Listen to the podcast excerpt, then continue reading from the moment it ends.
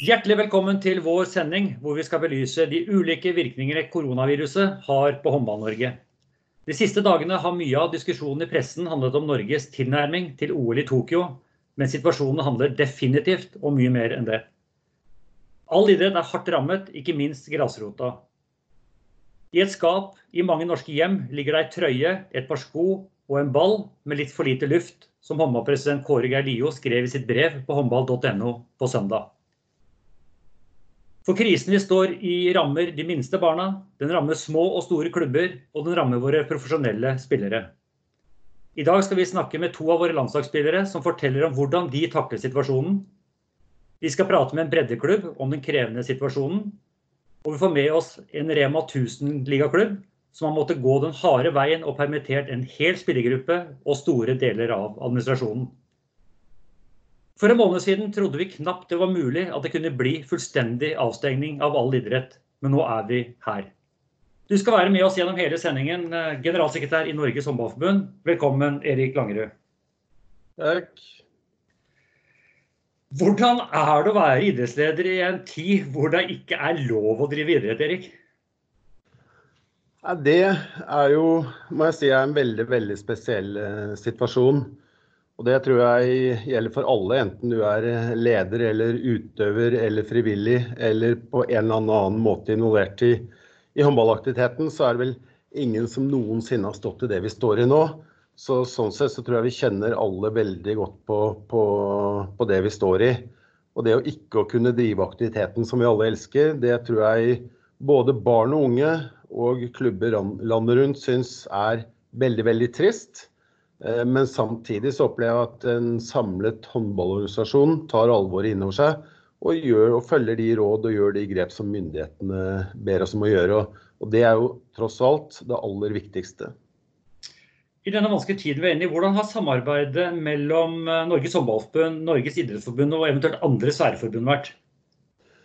Den syns jeg har vært veldig god. Det har jo vært eh, initiert og, eller etablert eh, flere beredskapsgrupper på både nasjonalt og eh, regionalt nivå. Og selv har jeg sittet i NIF sin beredskapsgruppe, som, som da har daglige, leder, daglige, møter for å se på situasjonen, se på hvilke tiltak vi kan gjøre. Holde den formelle kontakten inn, inn mot Myndighets-Norge, ikke minst. Og lære av hverandre, ikke minst. Også hvordan vi håndterer da situasjonen i de respektive særforbundene. For det er mange likheter, men det er også mange ulikheter. for det et eksempel er jo Vi var jo helt på avslutningen av vår sesong, mens Fotballforbundet er helt i starten av sin sesong. Men uh, det har vært mye informasjonsutveksling og mye læring av hverandre. For det er jo veldig veldig få av oss som har, uh, har, stått i noe som er i nærheten av den situasjonen der før. Så jeg vil si Dialogen har vært god, og det har vært viktig at vi i norsk idrett fremstår samlet i både vår kommunikasjon, men også våre handlinger i den krevende situasjonen som ikke bare idretten, men alle rundt oss også står midt oppi nå.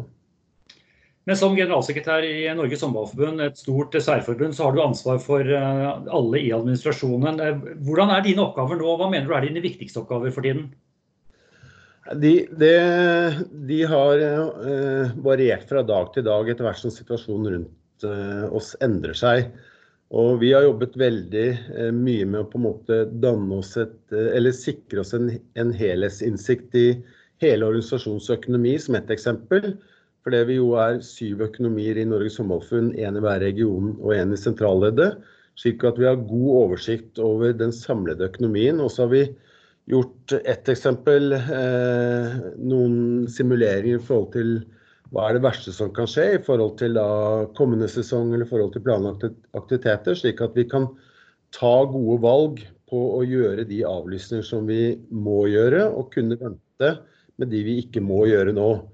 Og så er det selvfølgelig en krevende situasjon for eh, de ansatte, som jo alle har påbudt hjemmekontor, og som etter beste evne løser sine oppgaver hjemme men som, men som eh, også selvfølgelig lever en utfordrende tid. Så jeg tror det er vanskelig å peke på noe særskilt som er spesielt viktig, men det handler på en måte om at vi går i takt.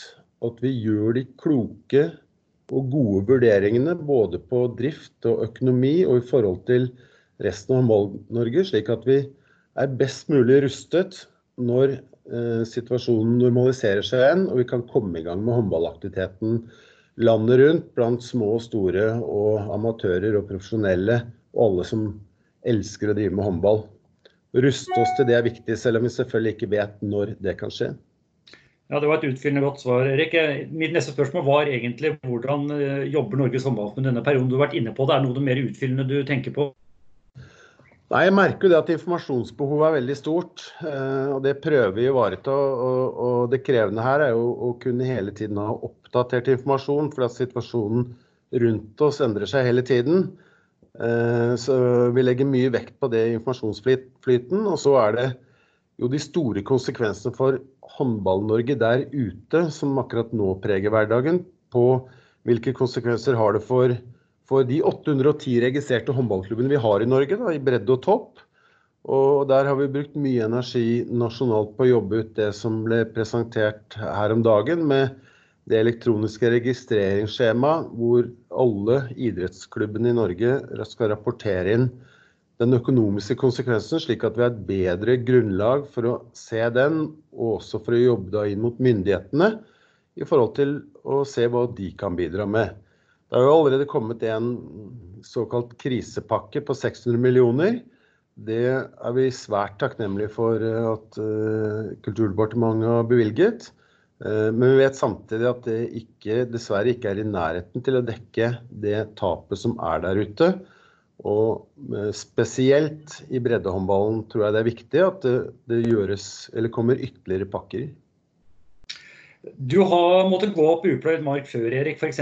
var det svært tøffe tiltak i Lyn når du var uh, sjef for fotballklubben. Uh, er det ekstra vrient om man ikke har noe fasitsvar å forholde seg til denne perioden her?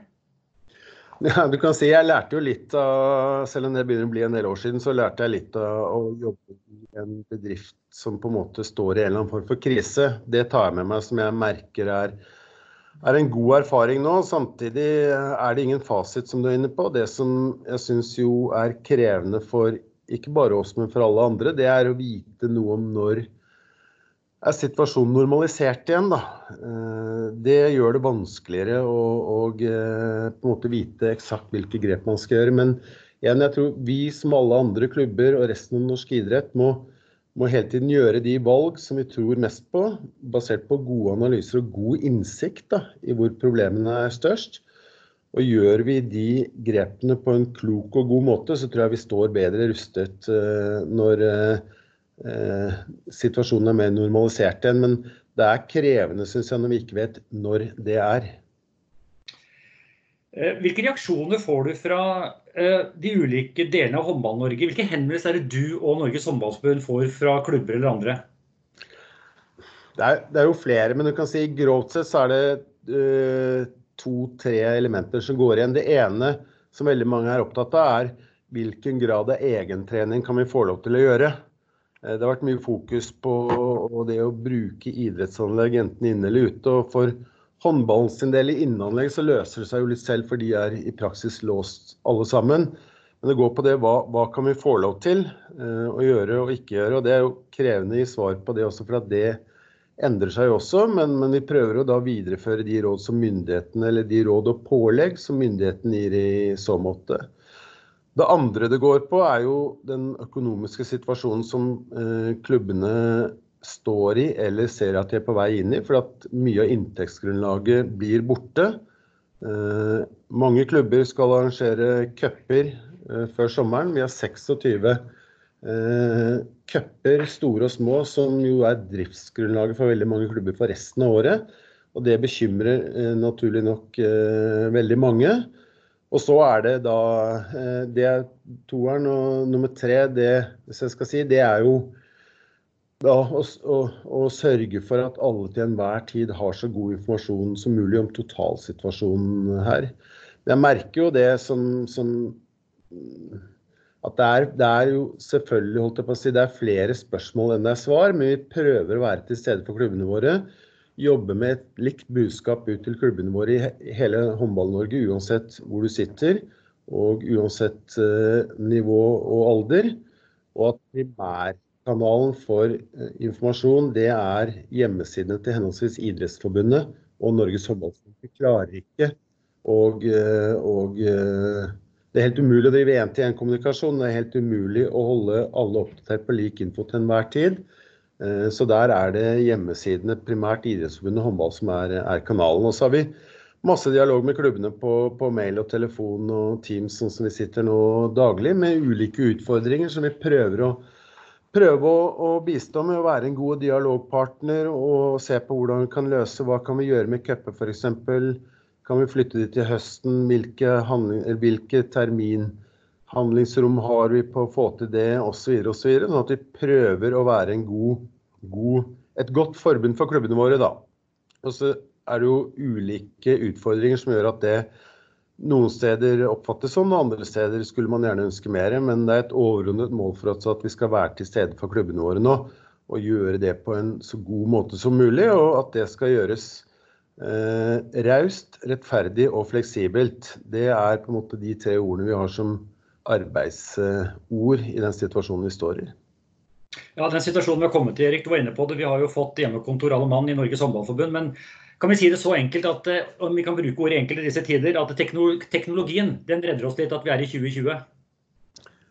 Ja, definitivt. Jeg har vært med på Jeg har hatt en bratt læringskurve på Teams. Eh, det er ikke mer enn 14 dager siden jeg aldri hadde prøvd det, for å være helt ærlig. Nå har jeg vært med på alt fra én-til-én-møter til eh, møter med 250 idrettsledere landet rundt, med spørsmål på chatten og svar på direkten. og må si det fungerer utrolig bra. Så, eh, så, noe tar vi også med oss ut av den situasjonen vi står i, som vi kan benytte oss i fremtiden også, selv om jeg hadde foretrukket å lære dette på en annen måte. Men, men eh, når man kommer litt opp i åra, så må man ofte tvinges litt inn i andre løsninger. Men, men eh, absolutt, og det er noe av det som gjør at maskineriet da har kunnet også holde seg i gang, i og med at samtlige ansatte i, i Norges sommerfunn er påbudt hjemmekontor. og og det er ingen fysiske møter som tillates uten at det er særskilte årsaker. og da, da eh, er jeg glad for sånne varianter som Teams som gjør at vi kan holde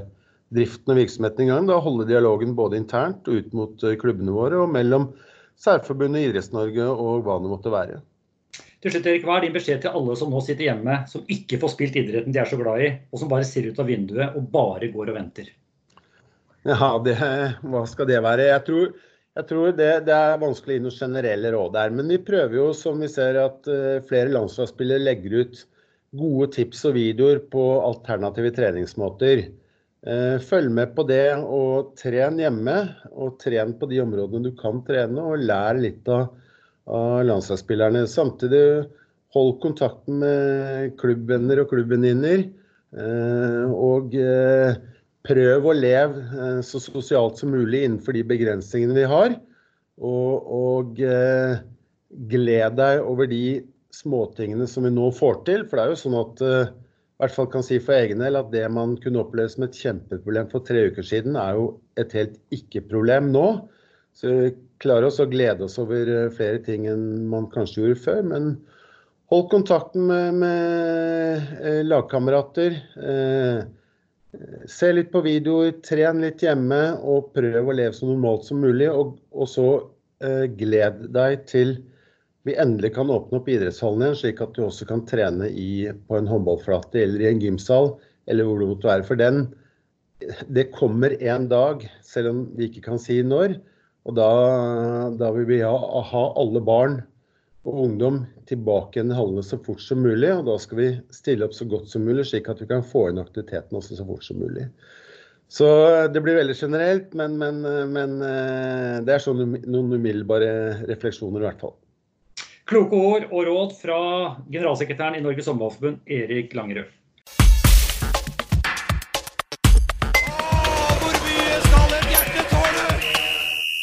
Vi forflytter oss fra Oslo til eh, Danmark, og vi skal ha med oss håndballguttas eh, kaptein. Hei, Bjarte. God dagen. God dagen. Du, eh, rett på sak. På din Instagram-konto gikk du forrige uke ut og fortalte om symptomer på at du var blitt smittet. Hvordan er det med deg? Jo, det står helt uh, greit til. Det har vært, jeg er sjuk på dag seks eller seks-sju nå, så så det har vært en, eh, en en omgang. Og i hvert fall meg som litt, får litt sånn manflu og syns litt synd på meg sjøl. Så, så, så, har det vært, vært, litt krevende den siste uka her nå. Men alt det vi hører og leser om i medier, det er jo ikke til å unngå. Uansett hvilken nettsider man åpner, Bjarte, så får man Det er koronaviruset som kommer imot deg med en eneste gang. Når du da får symptomene på dette her, kan du, kan du, forklare noe om redsel, eller hvordan føler du det personlig? Ja, og, det du nevner nå, det, det har vi snakka litt om her hjemme, faktisk. fordi det, Der tror jeg du treffer noe av det viktigste. Fordi eh, jeg er jo egentlig en ikke-bekymra fyr. Eh, stort sett sånn av natur. Eh, men jeg har merka at jeg har våkna på natta, eh, at jeg har ligget og grubla, ligget og tenkt. Eh, hva skjer nå? Åssen eh, blir eh, symptomene? Når blir jeg frisk? Og når kverna begynner å gå så, så, så er ikke det Det gir ikke noe positiv effekt. Da.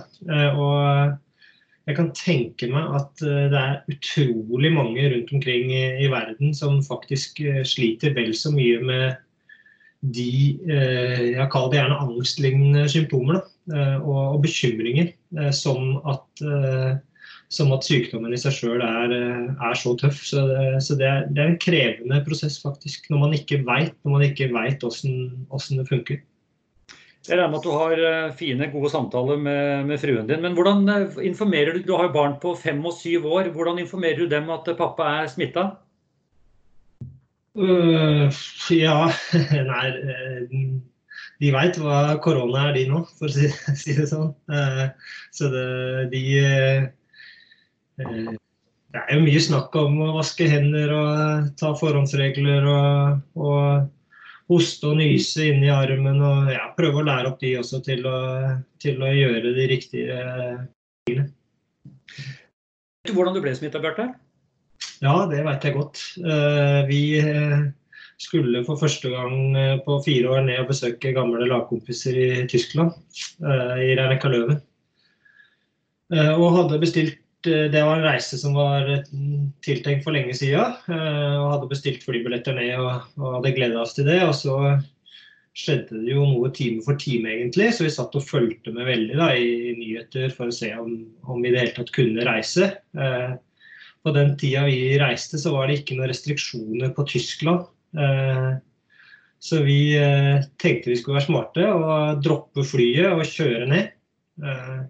Kun møte de menneskene vi skulle møte for å minske, minske faren. Eh, og så, eh, og så leide vi en leilighet istedenfor å bo på hotell. og Vi følte at vi hadde tatt ganske mange grep. Da. Men lite visste jo vi at vi reiste jo rett ned til et ormegol av, av koronasmitta. Eh, så, det, så i løpet av helga der nede så var det først Mensa, Mats Mensa som testa positivt. Og så da bestemte vi oss for å reise hjem når det kom så nærme på oss. Eh, og i løpet av hjemturen bare, bilturen hjem, så var det fem-seks andre på laget som hadde testa positivt. Og nå tror jeg det er ti. Eh, sånn at eh, Og de, de som jeg var sammen med, de testa også enten positivt eller ble syke med akkurat samme symptomer som meg. Så det, det var ikke så veldig vanskelig å regne ut at verken smittekilde eller, eller, hva dette var for noe. Eh, jeg skulle egentlig ta det spørsmålet her litt senere, Bjarte, men da må jeg nesten hoppe på dem en gang. Hvordan går det med frue og unger? Er noen av dem smittet? Eh, ja, det er det jo, men ingen av de som er dårlige. jeg vet ikke om det er noe med meg, eller om, om det er noe. Charlotte har hatt milde symptomer, og ungene har ikke visst noen, noen ting. så det er kun meg som har hatt feber og, og vært sengeliggende.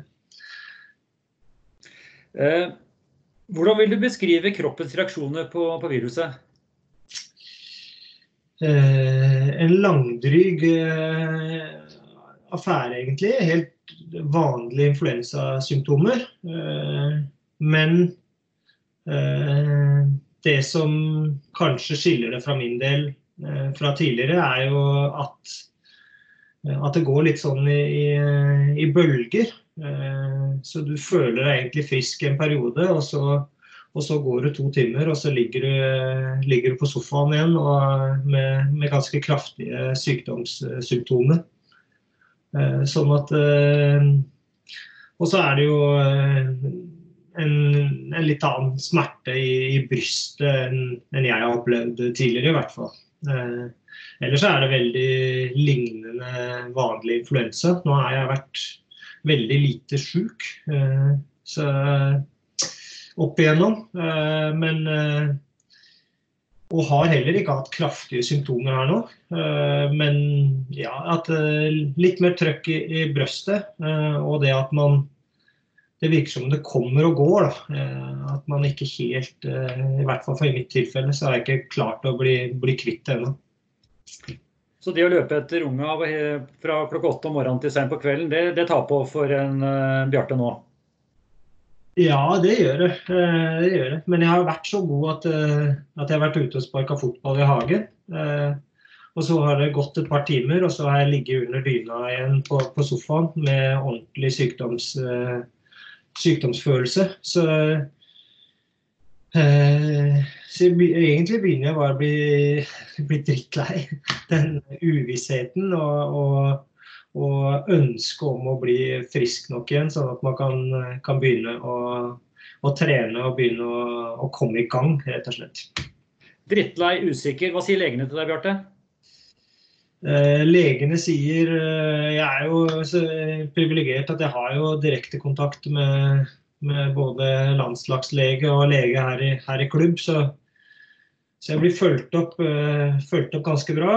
Uh, det de eh, er mest opptatt av, er, er, feberen. Uh, og den har ikke kommet tilbake for min del.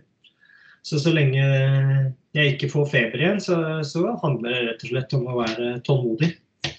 Og, og vente på å bli frisk. Hvordan preges klubben din Skæren av virussituasjonen vi er midt oppi?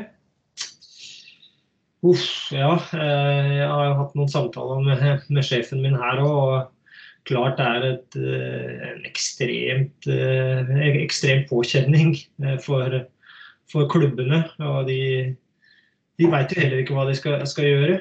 Og de går på vent som, som resten av verden. Så helt ærlig så, så tror jeg ikke de helt veit hva som skal til, hva som kommer og hvordan dette vil, vil utarte seg. Det er, er, det vel egentlig ingen som, som gjør. Så så klart det er en påkjenning også for klubben. Ja, nei, Det er ingen som sitter med noe fasitsvar, som vi har vært inne på. Hva tenker du selv oppi all denne usikkerheten? Er jo, er, vi er veldig glad for at du fortsetter å satse, Bjarte. Vi hadde jo et OL som vi gjerne skulle hatt deg med på nå, men nå kan det bli, kan bli utsatt. Det vet vi ikke noe om enda. Men hva tenker du om fremtiden nå? Uh, helt uh, Hvis jeg skal spille med helt åpne kort, uh, så litt, litt, avhengig av hva du har tenkt å si nå. ja. ja. Nei, eh, denne sesongen har vært så ræva at eh, akkurat nå merker jeg at eh, nå eh, personlig så kan vi godt eh, sette en strek. Eh, både for, for, videre klubbspill og, og OL. og ja, kanskje litt egoistisk tenkt av meg, men det har vært så mye motgang hele denne sesongen her. så så motivasjonen er på bånn, rett og slett. Eh, så personlig er jeg klar for å bare sette en strek. Eh, få bukt med koronavirus verden over. og, og gjøre et, eh, en felles dugnad der.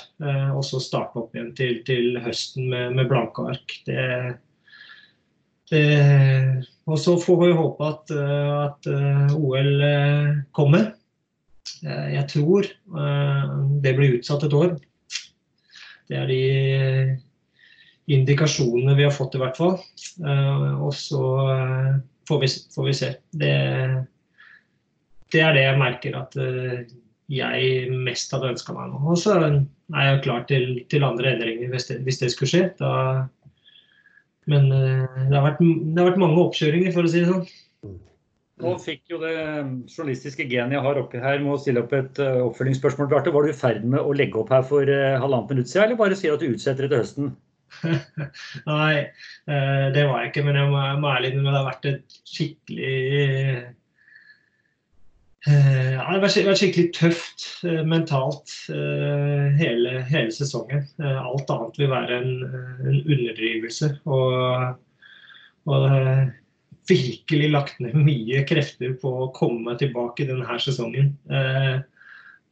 flere ganger. Og mens Hobba-gutta spilte EM, så lå jeg i hard, hardkjøring, hardtrening for å, for å komme meg tilbake og kunne spille klubbspill.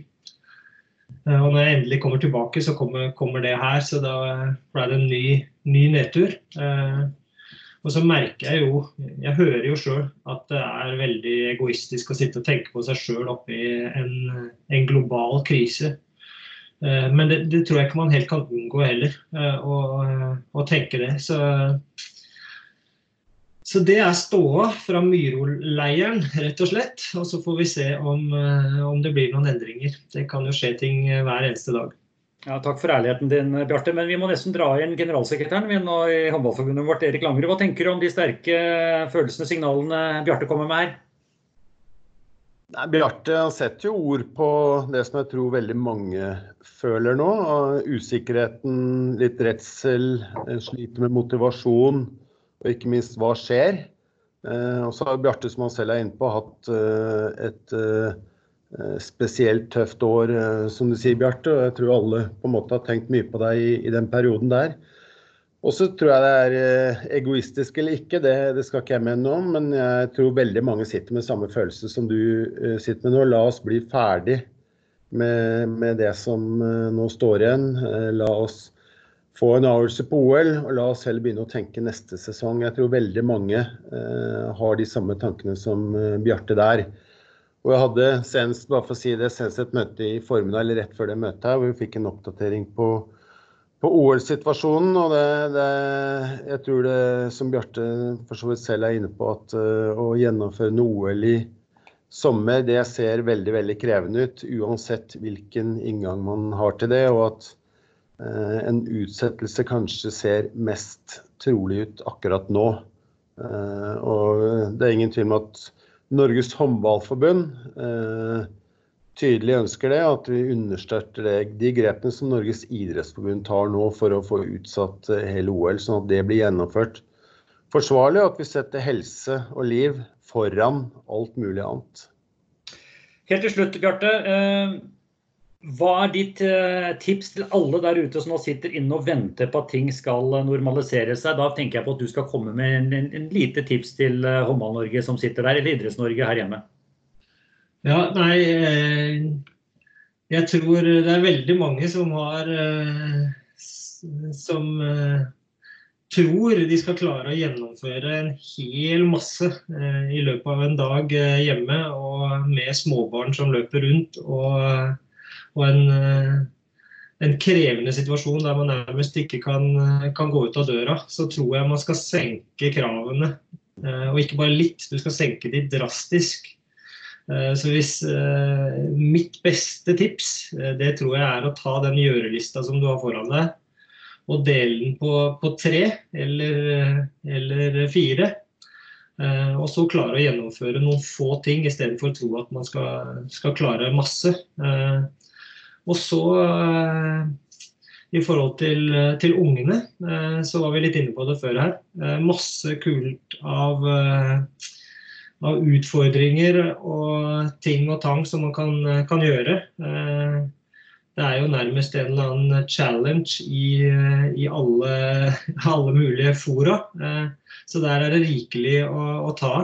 Så, så det er bare å øve seg, enten det er med trikse doruller eller uh, å leke med en håndball i stua. Uh, det er bare å, kjøre på.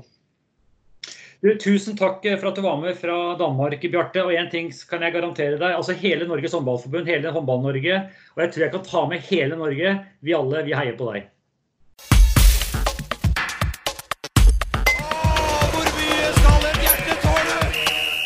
Vi forflytter oss fra Danmark og skal ta turen til eh, ja, ikke så langt fra Oslo, men til ski håndball. Vi har med oss daglig leder i ski håndball, altså, Lene Lote. Velkommen. Tusen takk. Du, jeg må gå rett på sak. Hvordan har de siste par ukene vært eh, for dere i ski håndball?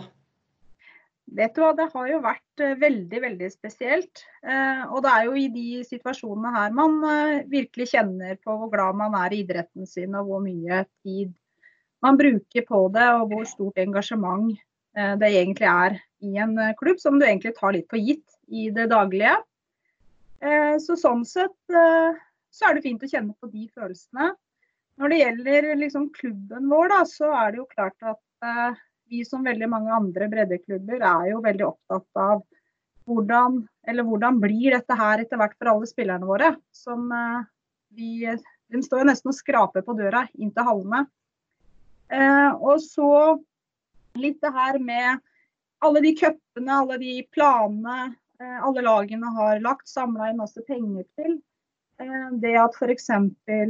Bring og Lerøy sesongen ble avslutta. Det var jo tøft for både trenere og spillere. De har jo jobba lenge for å liksom komme seg dit da, og hatt mye dugnader osv. Så, videre. så det er klart at det har vært mye skuffelse, eller liksom sånn tomhet, tror jeg vil si. Mm. Eh, og så tror jeg etter hvert nå at når man da tar det litt innover seg, så, så klarer man å se det litt eh, lenger ut og ser at eh, det er faktisk viktig at vi er med på denne dugnaden og legger ned all aktivitet. Du leder jo da en stor eh, breddeklubb. og, og Hvordan kommuniserer dere med spillere og foreldre? Og, og Hvilke beskjed har gått ut fra deg? Altså, vi er jo heldige som har uh, mulighet til å ha en administrasjon da, uh, i en så stor klubb. Så vi har jo uh, brukt Facebook-grupper i mange år. Sånn at vi får en direkte link fra klubb og ut til alle foreldre. Og de som er over 13 år er jo også eh, der. Så der har vi eh, brukt den muligheten og gitt ut. Så vi var jo veldig tidlig ute bl.a. med å legge ned all aktivitet allerede fra onsdag 11. Eh, mars. Eh, fordi vi var på. Eh, fordi man har en administrasjon. Da, så vi klarte jo å følge med. Hadde jo da bare gjennom den dagen en veldig veldig bra dialog med regionen. Så jeg må benytte muligheten til å skryte av både Håndballforbundet og regionen for veldig god, godt samarbeid og god dialog og eh, informasjon. Da. Og da, eh, etter hvert, så har jo vi også måttet dessverre permittere trenerne våre.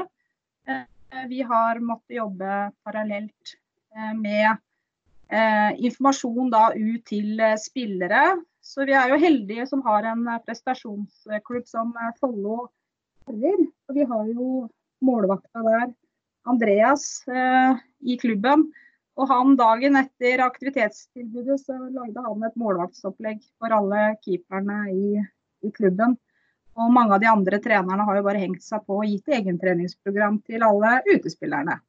Jeg føler i hvert fall at trenerne er veldig på, da. Selv om de er permitterte. Så er jo det en litt spesiell situasjon, fordi alle vet jo det at trenere i breddeklubber de tjener ikke akkurat mye eh, penger. Eh, så det er mye frivillighet i det engasjementet der. Og vi ser jo at det er fremdeles absolutt til stede. Og gjennom disse Facebook-gruppene så ser man jo hvordan eh, både spillere og trenere legger ut litt eh, videosnutter på hva man kan gjøre og hva man har gjort. Da. Der er jo kreativiteten stor, for å si det sånn. Ja, Det høres bra ut. for det er ikke noe tvil om at Vi skal jo tilbake til normalen en gang. og Vi får håpe at eh, folk holder seg i noenlunde god aktivitet. Men hva er medlemmene dine mest opptatt av? Hva er, de, hva er de, mest vanlige spørsmålene du får? Altså, vi, I og med at vi har vært ganske gode på informasjon, så opplever jeg ikke at det er mange spørsmål som kommer tilbake. Men det er jo klart det at uh, dette med cuper eh, framover, uh, det lurer de jo fælt på. Og vi som er arrangør av en av Norges største investeringer i august, Eh, som er liksom den store inntektskilden vår og den store eh, fellesdugnaden. Det er jo klart at eh, der er det jo mange som på en måte Hva skjer hvis den ikke blir noe av? Men ellers så opplever jeg ikke at medlemmene foreløpig har så veldig mange spørsmål. De forholder seg egentlig veldig greit til det som har kommet ut. Du har vært litt inne på det her nå, Lene, men jeg tar spørsmålet likevel. For du har snakket litt om permitteringer, du har snakket litt om eh, det her litt frykten for at du må avlyse cuper. Men hvilke økonomiske konsekvenser får viruset og kamppausen for klubben din akkurat eh, i den situasjonen vi er oppe i akkurat nå? Hvis, det, hvis, vi tenker at vi kanskje er tilbake om ikke altfor lenge, i hvert fall ikke må vente til, eh, til langt over sommeren? Altså jeg tror det er viktig at klubber jobber veldig parallelt her. da. Uh, for det første så har vi lagd en prognose der det ikke er noe aktivitet fram til sommeren. Uh, og det vi ser da, det er at fordi sesongen har vært på hell, og vi har da beslutta å flytte en sånn minicup vi har til desember, så skal vi klare oss greit fram, fram til sommeren. Eh, men for oss da, hvis det ikke blir noe håndballcupen ski i august, ja da eh, er det veldig viktig at vi nå jobber med plan B, C, D. Fordi man eh, kan få til Jeg tenker sånn at det er å få til god aktivitet, ingen aktivitet. og da vi som har en overnattingscup f.eks., må jo tenke scenario. Kanskje det blir en cup bare for region uten overnatting. Hvordan vil det se ut? Osv. Men der igjen føler jeg også at det har vært en bra dialog med regionen. da. Fordi sånn som eh, Erik eh, sa i stad, det å være raus, rettferdig og fleksibel. Jeg opplever jo at eh, dialogen rundt f.eks.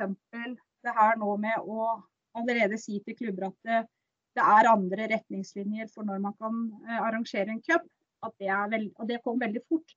Eh, det gjør jo at klubbene liksom kan eh, sette i gang noen scenarioer. da.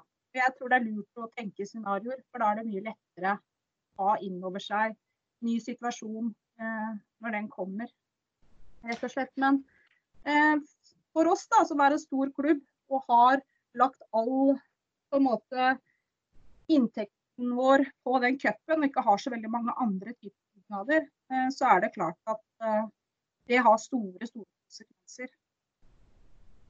Men vi har heldigvis litt penger på bok, så vi kommer nok til å klare oss. Men vi må være kreative da. Erik, eh, som generalsekretær i Håndballforbundet, så må det jo være litt sånn musikk i dine ører å høre en så stor breddeklubb som Ski, som er til de grader på ballen. Hva tenker du om det Lene informerer oss om her? Nei, jeg, jeg må si eh, jeg har vært mange ganger, mange ganger på skicup. Jeg og jo mange ganger i, i, på anlegget til Lene. og er, Jeg skjønner godt at eh, barn og unge står og skraper på døra og ønsker å ville inn. Og cupen er stor og fantastisk å, å være på. så som jeg sier, Mye av det Lene sier, er jo det som andre håndballklubber også sier til oss. og Spesielt dette er da med cuper, hvor mange klubber, breddeklubber og eliteklubber har det som Eh, det inntektsgrunnlaget som cupen gir for driften stort sett eh, resten av sesongen. Så, så det føyer seg inn i rekken. Og som Lene selv sier, så er de litt heldige i at de har en administrasjon da, som kan håndtere informasjonsflyt og kan sørge for å, å holde spillere, trenere oppdatert og legge planer for fremtiden. Eh, så, så, sånn sett står Ski i en god situasjon sånn sett. Det er jo ikke alle klubber som har det, men jeg tror også her man kan lære litt av hverandre for å ta de kloke, gode valgene nå, da, til tross for en usikker fremtid. Så må jeg si Ski må ønske dere lykke til i jobben, Lena. Så må dere stå på. Og, og skicup håper jeg virkelig at det blir, sammen med alle de andre cupene også, for den er, den er flott for barn og ungdom. Tusen takk for det, Erik. Er det ting du har lyst til å legge til på slutten her, Lene? Har du fått ut det du har ønska? Vi har fått svar på veldig mye fine spørsmål, som, og du har hatt gode svar til oss.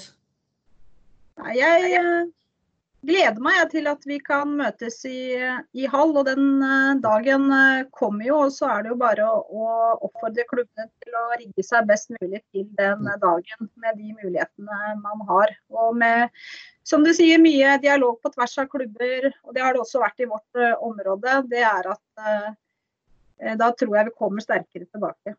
Jeg har trua i hvert fall. Vi har trua alle sammen. Tusen takk til daglig leder i ski håndball, Lene Lote.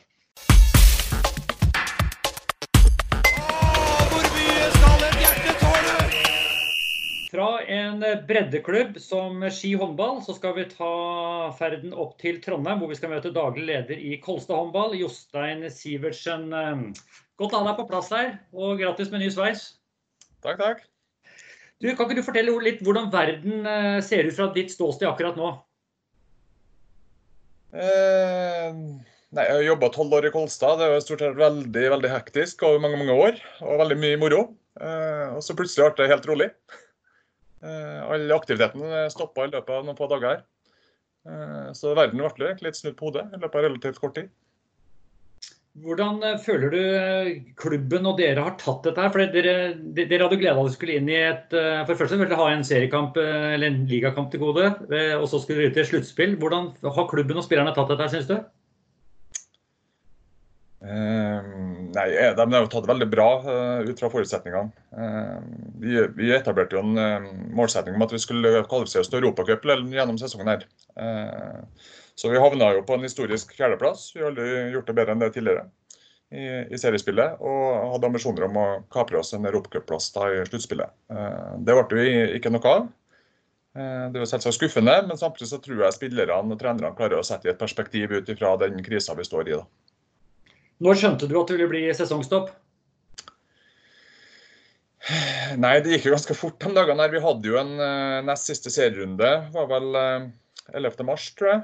Eh, da var vel Samme dag fikk vi jo beskjed om at den skulle spilles foran tomme tribuner.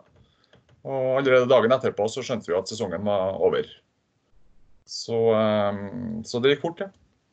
Vi var vel litt på samme datoen vi, Erik, når vi var, og skulle besøke Elverum og se på en kamp der mot Arne og skulle dele ut gullmedaljer. Og ifra at kampen skulle gå med fulle tribuner, til at vi fikk beskjed om at den skulle gå uten publikum, til dagen etter at det ikke ble noe mer. Det gikk ganske fort. Ja, vi var, satt jo i bilen på vei til eh, cupmøte, eller NM-møte med flere klubber i eh, Elverum, og skulle se kamp og dele ut medaljer etterpå. Fra vi, fra vi satt i bilen til eh, de neste 20 timene, så hadde vi lagt ned 95% av all håndballaktiviteten i Norge. Det startet jo, som du sa, den tirsdagen, og så hadde vi ledermøte hele onsdagen hvor vi gikk gjennom aktivitet for aktivitet. Så det var et veldig spesielt eh, døgn for oss alle. Eh, Jostein, dere har allerede måttet ty til permitteringer. Fortell litt om eh, hvordan klubben preges av, eh, av den situasjonen. Um, du tenker økonomien eller sjølve permitteringa? Ja, litt begge deler. Altså, det er jo en, en, ting er du skal kommunisere ut til både administrasjonen din og, og, spillerne dine. og Om det var et vanskelig valg, og hvordan det ble mottatt når uh, permitteringene først uh, kommer? Uh, nei, altså, For så vidt så var det jo et enkelt valg. Uh, for Når alt av inntekter stoppa, så måtte vi også gjøre noe med kostnadssida. Uh, samtidig så var det jo et veldig tøft valg, for det her påvirker jo ganske mange mennesker. Så bare et par dager etter den nest siste serierunden der, så, så permitterte vi 23 ansatte. 16 spillere, to trenere, tre i administrasjonen og to som jobber med spillerutvikling i klubben. Da, og ansvar for bredde og breddecup bl.a. Så i løpet av et par dager der, da, så, eh, så mista jo vi eh, nesten halvparten av omsetninga vår. Eh, vi omsetter for, eller I 2018 omsatte vi for 12,5 millioner. Vi har en stor håndballcup, i òg. Norges nest største håndballcup, faktisk. Nærmere, 300, nei, nærmere 500 lag. Så den eh, hadde budsjettert rundt 4 millioner omsetning, og så taper vi kanskje mellom en halv til 1 million i sluttspillet, i tillegg til noen håndballskåler og diverse. Så nærmere 6 millioner omsetning forsvant jo der i løpet av et par dager. Og Derfor sier jeg også var det en enkel beslutning det at vi måtte permittere. Det var, det var ikke noe annet valg. Eh, samtidig så det litt sånn, går jo selvfølgelig litt sånn usikker tid i møte. Eh, vi, vi, det første gjorde, var å utsette den store håndballcupen til oktober, og håpe at vi da kan være i gang igjen. Eh, men det vet vi jo ikke. Eh, så, så, men, men eh, forholdene tatt i betraktning, så syns jeg jo de som ble permittert, tok det veldig bra. og De hadde forståelse for det. Og har jo også på eget initiativ gått ut i avisa etterpå og sagt at de, eh, de, har stor forståelse for det, og er mest opptatt av at klubben skal berge. Og det, det er jo nesten litt rørende, vil jeg jo si.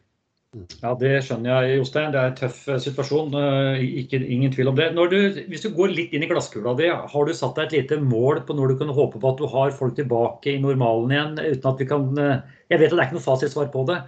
Men har du, har du, hvilke beskjed gikk da på permitteringene? Går det da på ubestemt tid, eller har du prøvd å antyde noe at vi håper at dere er tilbake innen en, viss dato? I utgangspunktet så har vi sagt at eh, alle er permittert frem til 1.6, og da er jo ny sesongstart. Ehm, og da tenker jeg naturlig. Vi mista jo som sagt sluttspillet og alle andre aktiviteter. Eh, så drømmen er jo at vi er i gang 1.6 igjen. Eh, samtidig så kanskje det er en fjern drøm. Vi får se. Det kan jo ta lengre tid. Og de, spillerne og trenerne jeg snakka med, så er det jo det å bli permittert i seg sjøl syns de for så vidt er greit nok. De, de, skal få det til å gå rundt økonomisk, de aller, aller fleste.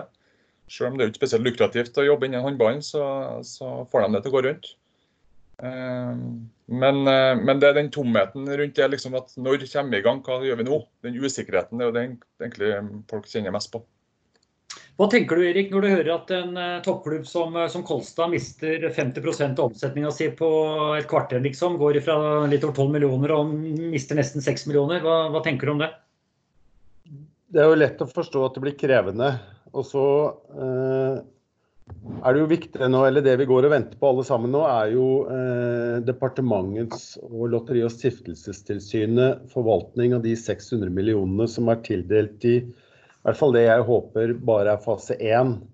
Eh, og Der går det jo prosesser nå daglig på, på eh, forskriften for den tildelingen. Og noe av det vi håper vi selvfølgelig skal tilfalle norsk håndball også, for de tapte arrangementsinntekter og øvrige inntekter som har blitt borte.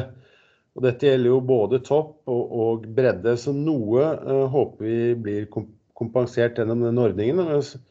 Uh, store forventninger til det og, og, venter på da hvordan det skal forvaltes.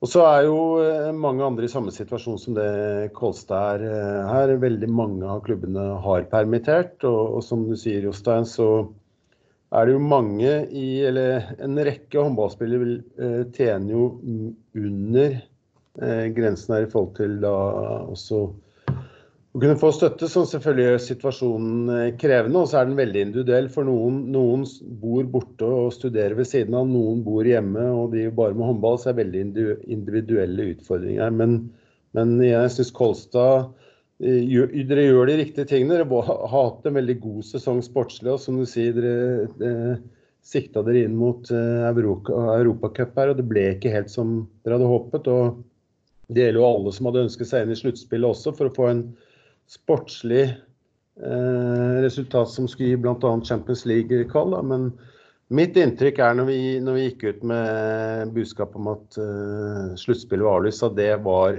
egentlig alle satt bare og ventet på beskjeden.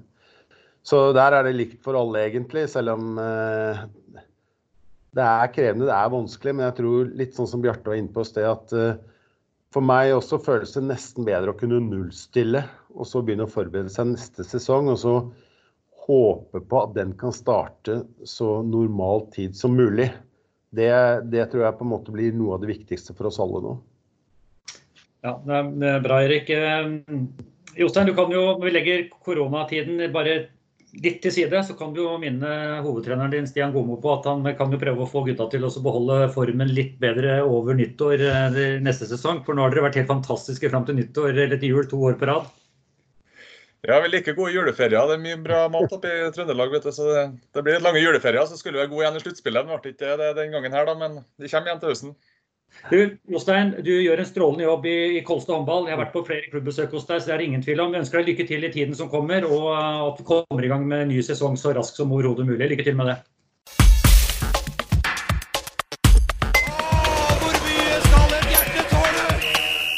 Vi har hoppet eh, fra Oslo, vi har hoppa til Danmark, vi har vært i Ski, vi har vært en tur i Trondheim. Og nå skal vi til Gjelleråsen og besøke vår eh, landslagskaptein for håndballjentene, Stine. Hei. Hei, hei. Du, Dere skal ha spilt OL-kvaler i Montenegro det sist helg. Så ble det ikke. Hvordan er denne situasjonen for deg, føler du? Det er veldig surrealistisk. Eh, jeg tror det er ganske surrealistisk for absolutt alle nå.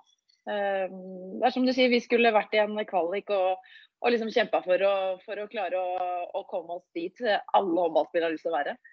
Så det er, det er spesielt. Hvordan er det for dere spillere når du liksom har noe som du virkelig gleder deg til å være med på, og så kommer dette greiene som du sier, surrealistiske greiene, og så bare frarøver dere alt mulig rart? Det, de, de går mye på jeg mener det mentalt, jeg tror. Ja, men, eh, men, samtidig så føler i hvert fall jeg at uh, det er også en situasjon hvor uh, det er ikke så veldig mye man kan gjøre. Det er noe som rammer absolutt alle.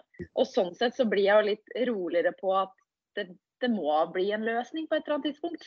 Uh, jeg syns egentlig det var verst de dagene det fortsatt var så uvisst om vi, om vi skulle dra eller ikke. Uh, vi var i karantene, vi, vi, norske, og samtidig så var ja, Montenegro og de arrangørene der de var veldig på at det her skulle gå. og ja, Fra toppen av så var det, det var veldig på lenge at, at det skulle gjennomføres. Og det, det uroa meg mye, mye mer.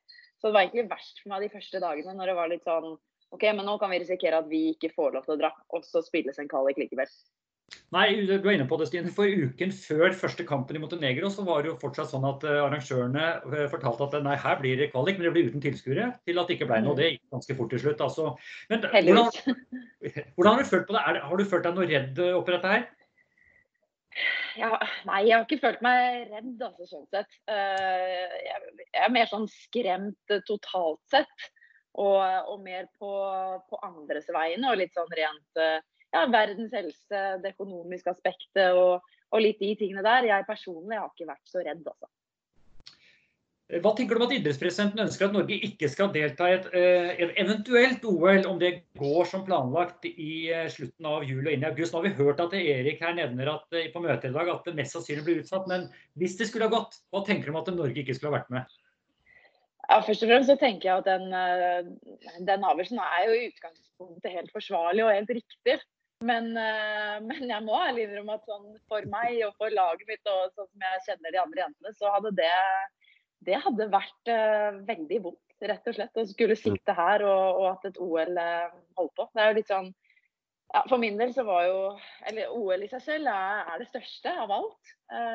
og i 2016 i Rio så, så røk vi en semifinale liksom på verst mulig vis. Og vi har også hatt de to siste mesterskapene nå har vært litt vanskeligere for oss enn det har vært noen år tidligere. Og, og det å liksom komme seg til et OL, få spille det OL-et, det, det, er utrolig viktig.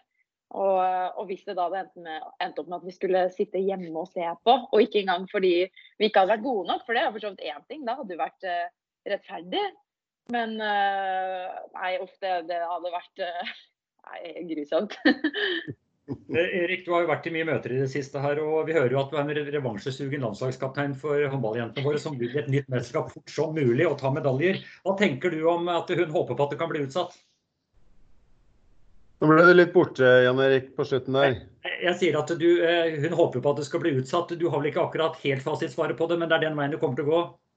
Det, jeg, ikke, jeg, kan ikke si at det kommer til å bli utsatt, men, men det er veldig mye signaler på at det er det som skjer. Og så tror jeg ville grått like mye som Stine hvis det gikk et OL uten at Norge var der. Men for alle, alle, ønsker jo alle ønsker selvfølgelig å være med i OL, enten du er eh, deltaker eller i et forbund eller publikum hvis det går et OL. Men, men jeg tror også, eh, og det virker som på de jeg ser uttaler seg, at eh, helse og liv er uansett viktigere den situasjonen vi står i nå. Og at det overskygger det aller meste. Og så er det jo som når Stine var inne på eh, OL-kvalifiseringen i Montenegro her og Det internasjonale håndballforbundet, så brukte vi mye tid på en måte å skape en felles virkelighetsforståelse av hvordan situasjonen var. Da, for den var veldig forskjellig i Europa. Montenegro, som du var inne på i sted, hadde jo ikke ett tilfelle av korona i ukene før her, og kjør, ville kjøre som vanlig. Og så justerte de ned til uten tilskuere, og så ble det jo heldigvis da utsatt på ubestemt tid. For at uh, situasjonen var veldig forskjellig i de forskjellige landene. Men, men, vi har den holdningen at vi må ha tillit til at uh, japanske helsemyndigheter, på lik linje som det vi må ha til de norske, japanske myndigheter og arrangør og IOC tar kloke valg og gjør det som er riktig. Og, og gjør de det, så uh, vil mye tyde på at det blir utsatt. Men vi får vente og se på den, den uh, endelige beskjeden. Vi satser på Stine, at både du og resten av håndballjentene skal være med i neste OL, uansett når det måtte arrangeres. Ja, virkelig.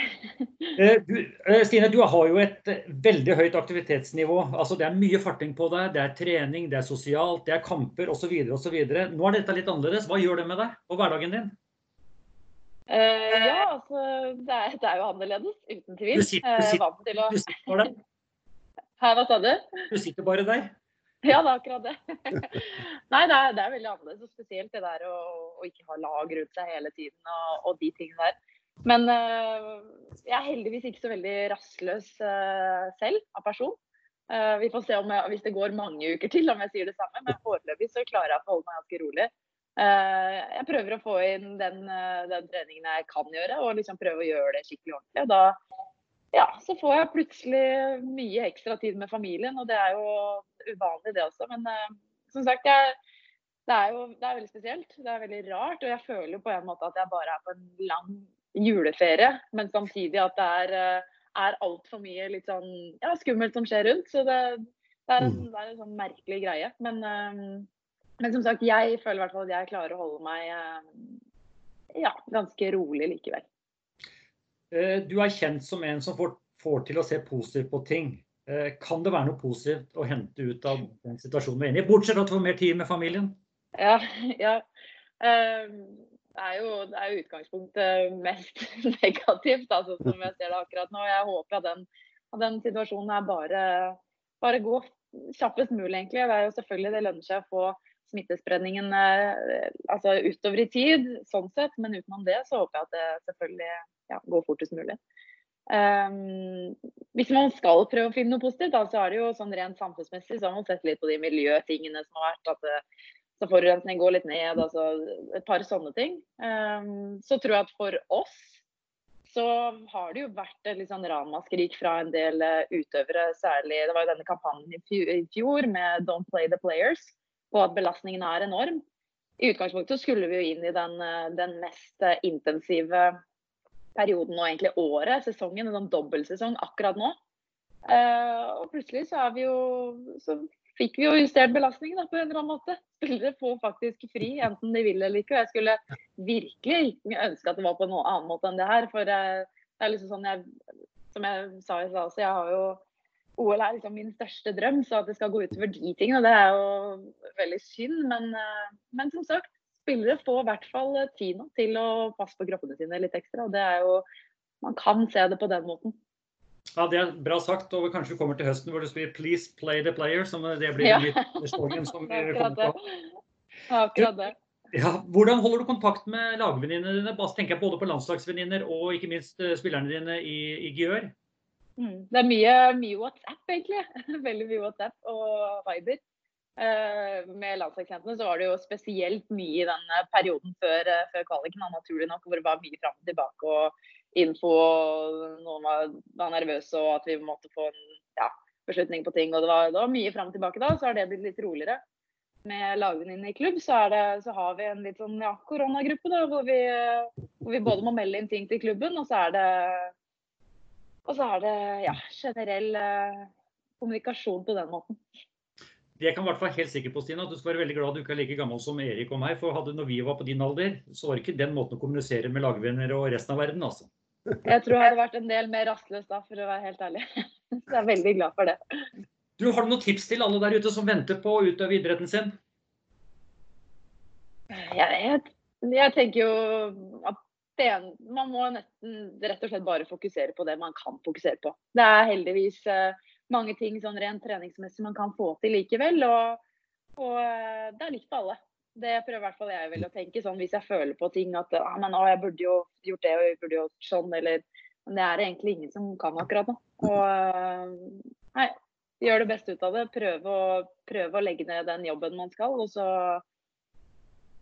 ja, rett og slett heller uh, få kose seg litt med andre ting. Prøve det. Det er mye alvor. og det er, i hvert fall Jeg føler jeg er inne på alle disse nyhetsappene konstant. og det er liksom, det er, Man kan bli litt uh, bli litt gal av det og få mye bekymring av det. Så kanskje av og til, uh, av og til liksom, hvert fall få en miks. Litt sånn av og på-knapp, som, som vi toppidrettsutøvere er glad, glad å kalle det. Ja, Det er et godt poeng, Stine. for Det er ikke noe lystig lesning når du, uansett hvilken nettside du går inn på. For den første sida der, den er ikke noe annet enn stort sett bare negativt. Nei, det er akkurat det. Og jeg, tror, og jeg mener jo selvfølgelig ikke at man skal isolere seg fra det. Jeg tror det er ekstremt viktig å følge med, bare for at uh, bare for å se utvikling generelt og hvilke forhåndsregler vi er nødt til å ta og alle de tingene der. Eh, det er kjempeviktig. Men, eh, men eh, jeg prøver i hvert fall ikke trykke hvert femte minutt, som jeg gjorde, gjorde for en uke siden. Justine, vi ønsker deg lykke til i de neste dagene, ukene og kanskje månedene. Og så håper vi inderlig at vi får se deg snart med den energien din tilbake på en håndballparkett, hvis det er det vi kan kalle det. Veldig snart. Både for klubblaget ditt og ikke minst for, for Norge. Det håper jeg også. Takk for nå. Takk skal du ha. Ha det. Ha det. Eh, Erik, vi har snakket med begge våre landslagskapteiner. Og det, det som slår meg, for noen reflekterte og flotte ambassadører vi har i disse to.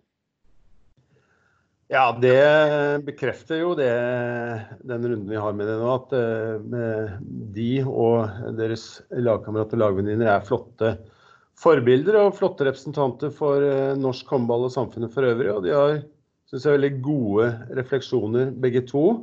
Men også Jostein og Lene på den situasjonen som norsk håndball står i. Så det, det, det er godt å høre at vi både tenker likt og forholder oss til det likt.